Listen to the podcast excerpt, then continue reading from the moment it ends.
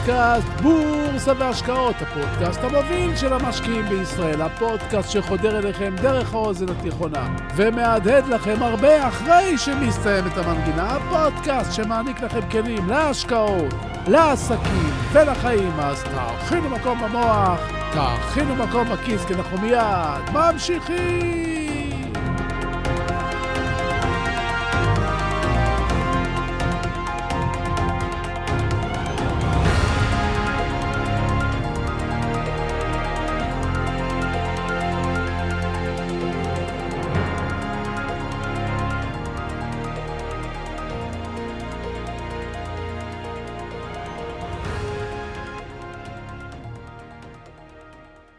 עכביש. כשאני חושב על המשקיע הכי מתוחכם שיכול להיות, אני נזכר בתצפיות הארוכות שהיו לי בילדותי על בעלי חיים בכלל ועל עכבישים בפרט. אני מניח שגם לכם זה קרה פעם שראיתם באיזה מקום עכביש מתחיל לטוות כורים. אם לא מיהרתם לגרש אותו והייתם מספיק סבלניים וסקרנים, הייתם יכולים לראות איך בעל החיים הזה עובד במרץ וטווה במשך כמה ימים רשת מפוארת, מלכודת לתפארת, ואז עובר לאחת הנקודות הרחוקות על הרשת וממתין. לעכביש יש שמונה עיניים וגם שמונה רגליים. וההקבלה בינו לבין משקיע מתוחכם היא מדהימה בעיניי.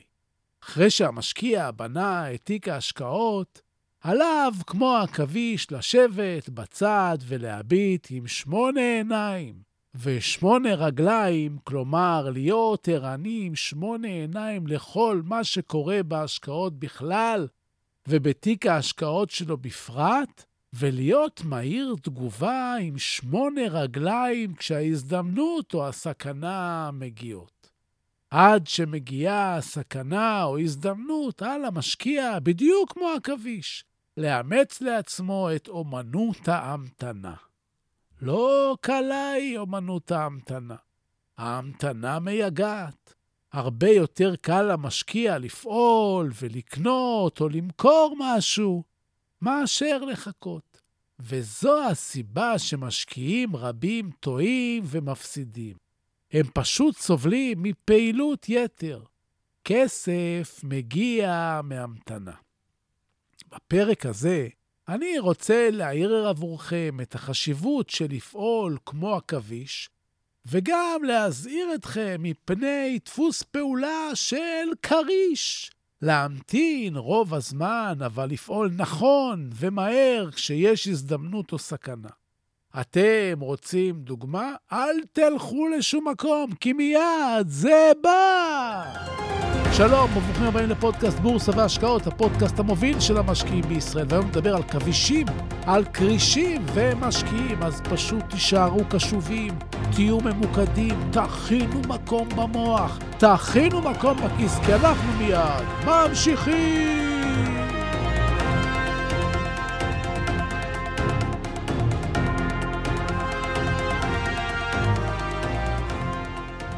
אחת החברות החביבות עליי בשנה האחרונה הייתה חברת אוקטה.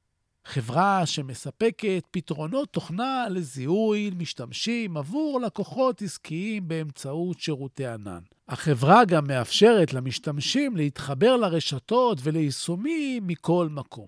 המניה של החברה עלתה יפה בחודשים האחרונים, ובחודש ספטמבר ואוקטובר היא נעה סביב 80 עד 90 דולר. אחרי שהפגינה ביצועים כספיים טובים. כעכביש שממתין, כל מה שנותר לי אחרי הקנייה הוא רק להתבונן וליהנות מהעוצמה שהציגה המניה. אולם ב-20 לאוקטובר משהו הרעיד את קורי העכביש. הייתה הודעה על פריצה של האקרים למחשבי החברה. משקיע מתוחכם חייב במצבים הללו להפעיל את שמונה הרגליים שלו אחרי שהפעיל את שמונה העיניים וקלט סכנה. כאן בדיוק צריכה להיות תגובה מהירה. חשיבה מהירה אומרת לי שאם החברה שאמורה לתת לי ביטחון בזיהוי משתמשים ברשת נפרצת, משהו לא בסדר. מלבד הנזק המיידי לחברה, יש כאן נזק תדמיתי. אם יש לכם כספת של חברת יהלום למשל, ופרצו לכם אותה, סביר להניח שהכספת הבאה שתקנו תהיה של חברה אחרת. התגובה במניה לא איחרה להגיע. המניה ירדה בתוך ימים ספורים משער של 83 דולר ל-63 דולר. משקיע שלא עוקב אחרי ההתפתחויות במניה שלו, משקיע שלא מנתח ומגיב מהר לנתונים, מפסיד עשרות אחוזים. כמו עכביש, אנחנו לא יכולים לצפות מה יקרה. זה נושא לפרק אחר, אבל אנחנו כן יכולים להגיב מהר ונכון ולמזער את הנזקים בתיק ההשקעות שלנו. יש אלפי מניות בשוק. יש ביניהן מניות טובות, יש ביניהן מניות גרועות. אנחנו אף פעם לא נצליח לעקוב אחרי כל המניות. אני רואה משקיעים שעסוקים בחיפוש אחרי התפתחויות בכל יום בעשרות מניות שונות. לפעמים הם משקיעים דקה במניה כזאת, ולפעמים שעה. הזמן שלנו מוגבל. אנחנו לא צריכים הרבה מניות כדי להצליח. משקיע מקצועי בונה את תיק ההשקעות, תובע את קורי העכביש שלו ועובר לעמדת התצפית. אם תדעו מה קורה בתיק ההשקעות שלכם בשמונה עיניים, תוכלו להגיב בשמונה רגליים. אם יש לכם בתיק עשר מניות, אבל כל היום תהיו עסוקים אחרי עוד עשרות מניות אחרות שלא קשורות אליכם, הסיכוי שתעלו על ידיעה קטנה וחשובה אודות התפתחות במניה שלכם בצורה מהירה קטן. אתם חייבים היכרות אינטימית ועמוקה עם תיק ההשקעות שלכם כדי להצליח. הזמן שלכם מוגבל במהלך היום להתעסקות בשוק ההון, וחשוב להשקיע קודם כל זמן במניות שאתם מחזיקים. את מעט הזמן שנותר אתם בהחלט יכולים להשקיע בחיפוש אחרי השקעות מעניינות. אבל גם כאן, אל תבזבזו את זמנכם במניות טרנדיות וקופצניות, אלא תתרכזו תמיד במניות טובות, גדולות, איכותיות, רווחיות, מתקדמות. זה יחסוך לכם הרבה זמן והרבה כסף, וגם עוגמת נפש. אומנות ההמתנה בהחלט יכולה להציל את תיק ההשקעות שלנו בפעולה מהירה, אבל דווקא בעת הקנייה של המניות צריך להיות קצת יותר איטיים.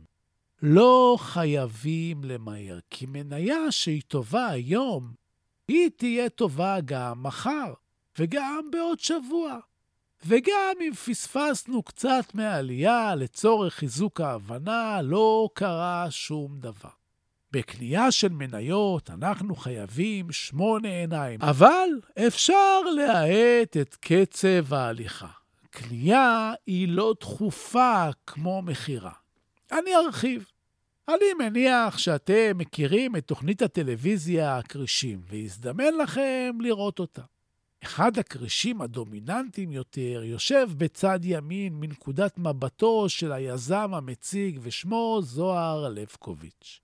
אחת הטקטיקות שזוהר לבקוביץ' משתמש בה באופן עקבי, שהוא מציע הצעה ליזם, אבל דורש תשובה מיידית של כן או לא. הוא תמיד ילווה אותה גם באמירה כמו, תגיד כן עכשיו ויש לנו עסקה, אבל אם אתה מדבר עם אחד הכרישים האחרים, העסקה שלי ירדה מהשולחן. זו טקטיקה מבריקה מצידו של לבקוביץ', אבל היא מעמידה את היזם במצב נורא. מחקר שפורסם במגזין להתנהגות וקבלת החלטות מצא שכאשר אנשים נאלצים לקבל החלטה חשובה מוגבלת בזמן, הם נוטים לזרוק את ההיגיון מהחלון ולהסתמך רק על הרגשות שלהם כדי לקבל החלטה. לכן, אם מיליארדר מפורסם כמו זוהר לבקוביץ' מציע לך הצעה להשקיע בעסק שהשקעת שנים בבנייתו, הרבה ימים ולילות של מחשבה ותכנון, אבל דורש תגובה מיידית למחיר שהוא נוקב, סביר להניח שפחות תחשוב אם ההצעה הוגנת ויותר סביר שתרגיש שזו הזדמנות שאי אפשר לוותר עליה. הטקטיקה עובדת לעתים קרובות, והכריש מקבל את העסקה שהוא רוצה. אבל אני תמיד תוהה איזו הצעה טובה יותר היזם היה יכול לקבל אילו היו מאפשרים לשמוע את כל ההצעות. לא קשה לדמיין בחיים שלנו תרחישים אחרים שבהם אתה נאלץ לקבל החלטה פיננסית חשובה בפרק זמן מוגבל. קניית בית שיש עליו מספר מתחרים, השקעות בבורסה, קניית ביטוח, קבלה או דחייה של הצעת עבודה תוך כדי רעיון, קנייה של מכונית כשאתה מסתובב בעולם תצוגה שובה לב ביחד עם איש מכירות ממולח. אלו הם רק קומץ מצבים שבהם אתה עלול למצוא את עצמך צריך לקבל החלטה שמגובה בלחץ של זמן. אם חשבת מדוע חברות הביטוח פונות אליך לחדש ביטוח בימים האחרונים של הפוליסה, זה כדי להכניס אותך לאותה חוויה שזוהר לבקוביץ' מכניס את היזם שמולו. הביטוח של העסק או של המכונית שלך נגמר עוד שלושה ימים. לחדש? שואל אותך הסוכן. ואתה, שמוצא את עצמך עם עוד מאה דברים על הראש, צריך לקבל החלטה בדקה הבאה, כן או לא. לא תמיד יש לך זמן לבדוק עוד הצעות, והכן או לא הופך ברוב המקרים לכן. סוכן הביטוח יודע שאם הוא יודיע לך חודש וחצי מראש שהפוליסה שלך נגמרת, אתה תהיה בסיטואציה של יזם מול ארבעה כרישים שרוצים אותו, וזה סיפור אחר. כאשר הרגש הנלווה לצורך קבלת ההחלטות המהירות גובר על ההיגיון, יש סיכוי גבוה יותר שתקבל החלטה נמהרת שאולי גם תתחרט עליה מאוחר יותר. בניגוד לרכישת עסק או נדל"ן, השקעה בבורסה היא מהירה יותר. כלומר, בכמה קליקים אתה יכול לקנות כל מניה שתרצה או למכור את כל תיק ההשקעות שלך. בתיאוריה, הגישה המהירה לכסף שלך היא דבר טוב, אבל גם מסוכן. אתה רואה סרטון ביוטיוב, שומע פודקאסט, קורא כתבה, ואתה נחשף להשקעה חדשה. אם הכתבה שכנעה אותך שהמניה שנחשפת אליה היא השקעה טובה, ועכשיו היא במחיר טוב, אתה נכנס למשבצת של היזם מול שאלת הכן או לא עכשיו. אתה מרגיש שאתה צריך להחליט מיד, אתה מרגיש שאם לא תקנה עכשיו, תפספס, או אולי תשכח, ולכן הדחיפות. משקיעים בבורסה תמיד מחפשים להשקיע במשהו. כלומר, הרצון לפעול, כמו שאמרנו, קיים כל הזמן, והוא מסופק רק לאחר הקנייה, ולא תמיד אחרי קנייה מוצלחת. הסיבה היא שמשקיעים ממוצעים לא תמיד יודעים מה לקנות, ואז כשהם נחשפים למשהו מעניין שהוצג בצורה אטרקטיבית, הם מאתגרים את עצמם עם שאלת הכן או לא, שהופכת במהרה ל...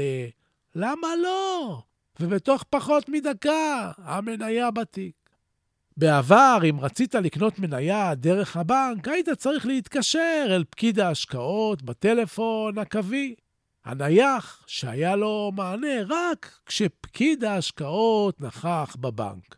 אם הייתה זו שעת ערב, נאלצת לחכות למחר, ולא פעם, עד שהיה מגיע מחר, כבר היית מתקרר מאותה תחושת בהילות, ולא קונה, או אפילו מוצא כבר השקעה אחרת. אולם היום, בין הרגע שנדלקת למניה עד שאתה הופך להיות הבעלים שלה, עובר זמן קצר יותר מזה שאתה מסיים ספל אספרסו קצר.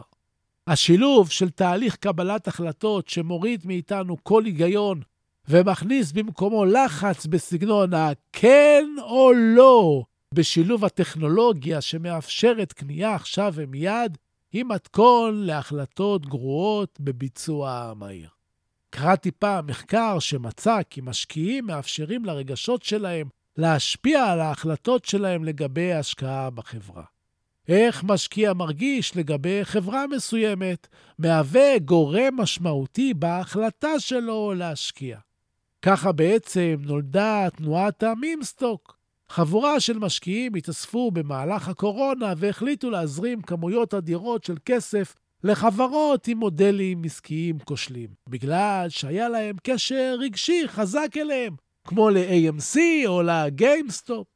האהבה של המשקיעים לשתי החברות הללו והזיכרונות מהם גרמו לכולם להשקיע מתוך רגש ורצון ולהרוויח, ולא בגלל שהם השקיעו בעסקים עם הכנסות מפוארות.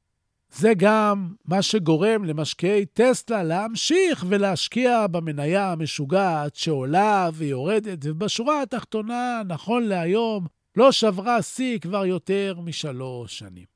מחקר מרתק נוסף שקראתי השווה את ביצועי ההשקעה של אנשים בעלי מוגבלויות רגשיות לאנשים שנבחרו באקראי, שיכלו לאבד רגשות באופן רגיל. תוצאות המחקר הייתה שלמשקיעים עם מוגבלות רגשית היו תשואות טובות יותר. וזה מתיישב עם מה שהמומחים בפסיכולוגיה של ההשקעות יודעים על שוק המניות.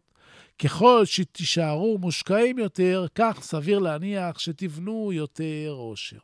מאמר נוסף שנתקלתי בו בעבר בחן כיצד מתח ורגשות שליליים משפיעים על ההחלטה של ההשקעה.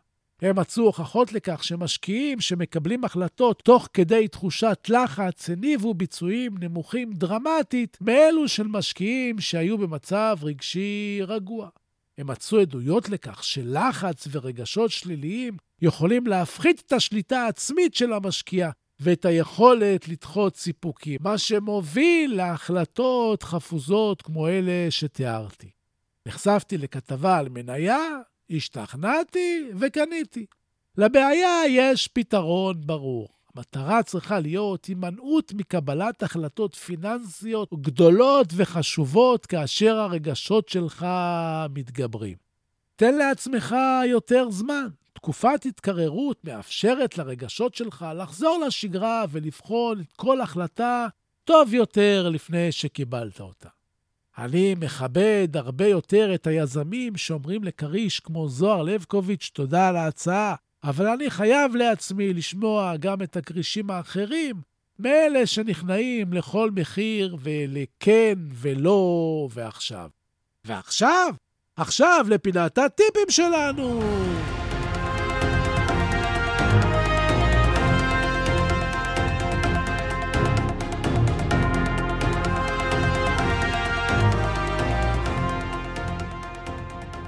הטיפ שלי להיום הוא, קחו שבוע לפני השקעה. נחשפתם להשקעה טובה? אם היא טובה, היא תהיה כזאת גם עוד חודש, ועוד שבוע, ועוד שנה. תרשמו לעצמכם את שם המניה. תעקבו אחריה קצת, תקראו עליה כל מה שאפשר, ותקבלו החלטה במהלך אותו שבוע, אם אתם באמת חושבים עדיין, אחרי שבוע, שהיא השקעה טובה. ברגע זה, למשל, לא הייתם קונים כובע אדום עם פעמונים, נכון? אבל במקום אחר, באווירה אחרת, כמו בפסטיבל או בדיסנילנד, כשכולם חובשים כובע אדום עם פעמונים, זה יכול להיראות לכם הגיוני. כלומר, מה שנראה לכם הגיוני כרגע, יכול להיראות לכם לא הגיוני בעוד שבוע. זה יכול להיות גם עם מניות.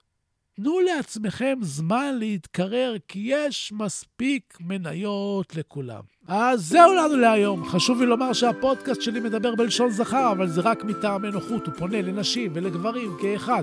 אני מזמין אתכם ללמוד איתי באחד הקורסים שלי ולהיות גרסה משופרת של עצמכם. אני מזמין אתכם לעמוד האינסטגרם שלי, סודות, כף תחתון בורסה באנגלית. אני מזמין אתכם לאתר שלי, סודות.co.il. ובסיום, אני שב ומציין, כי אין במה שאני אומר המלצה מקצועית או ייעוץ מקצועי, את אלה תמיד כדאי לקבל מיועץ מוסמך עם רישיון. לי אין, אני רק משתף אתכם במה שאני חושב. ותודה, תודה על התגובות החמות, תודה על השיתופים, תמשיכו.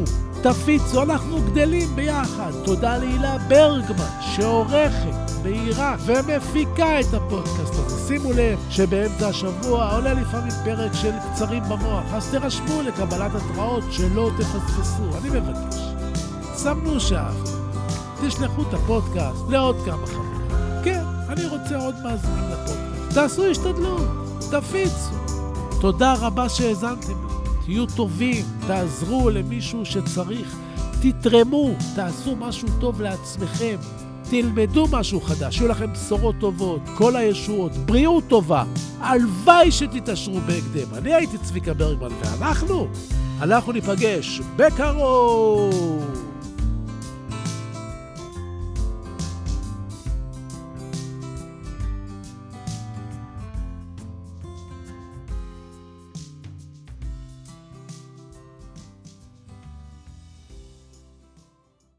נאום ההכתרה של נלסון מנדלה. הפחד העמוק ביותר שלנו אינו מפני חוסר היכולת.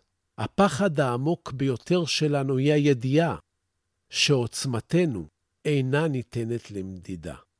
האור ולא הצל, האפל שבנו, הוא שמעורר בנו חרדות.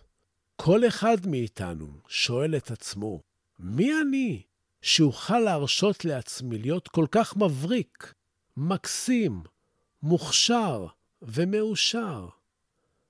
למעשה, מי אתה שתרשה לעצמך לא להיות כזה? אנחנו ילדים של אלוהים. כשאנחנו בוחרים לשחק את המשחק הקטן, אנחנו לא משרתים את העולם. אין שום דבר נאור או מואר בצמצום האישיות שלנו, רק כדי שאנשים ירגישו נוח בחברתנו. נולדנו כדי לממש את הקסם האלוהי הגדול בנו, הוא לא גלום רק בחלק מאיתנו. כל אחד מאיתנו נושא את הקסם הזה בתוכו. כאשר אנו מרשים לאור הפנימי שלנו לזרוח באופן בלתי מודע, אנו מאפשרים לאחרים לעשות את אותו דבר כאשר אנו משתחררים מהפחדים שלנו. הנוכחות שלנו משחררת אחרים. נלסון מנדלה, 1994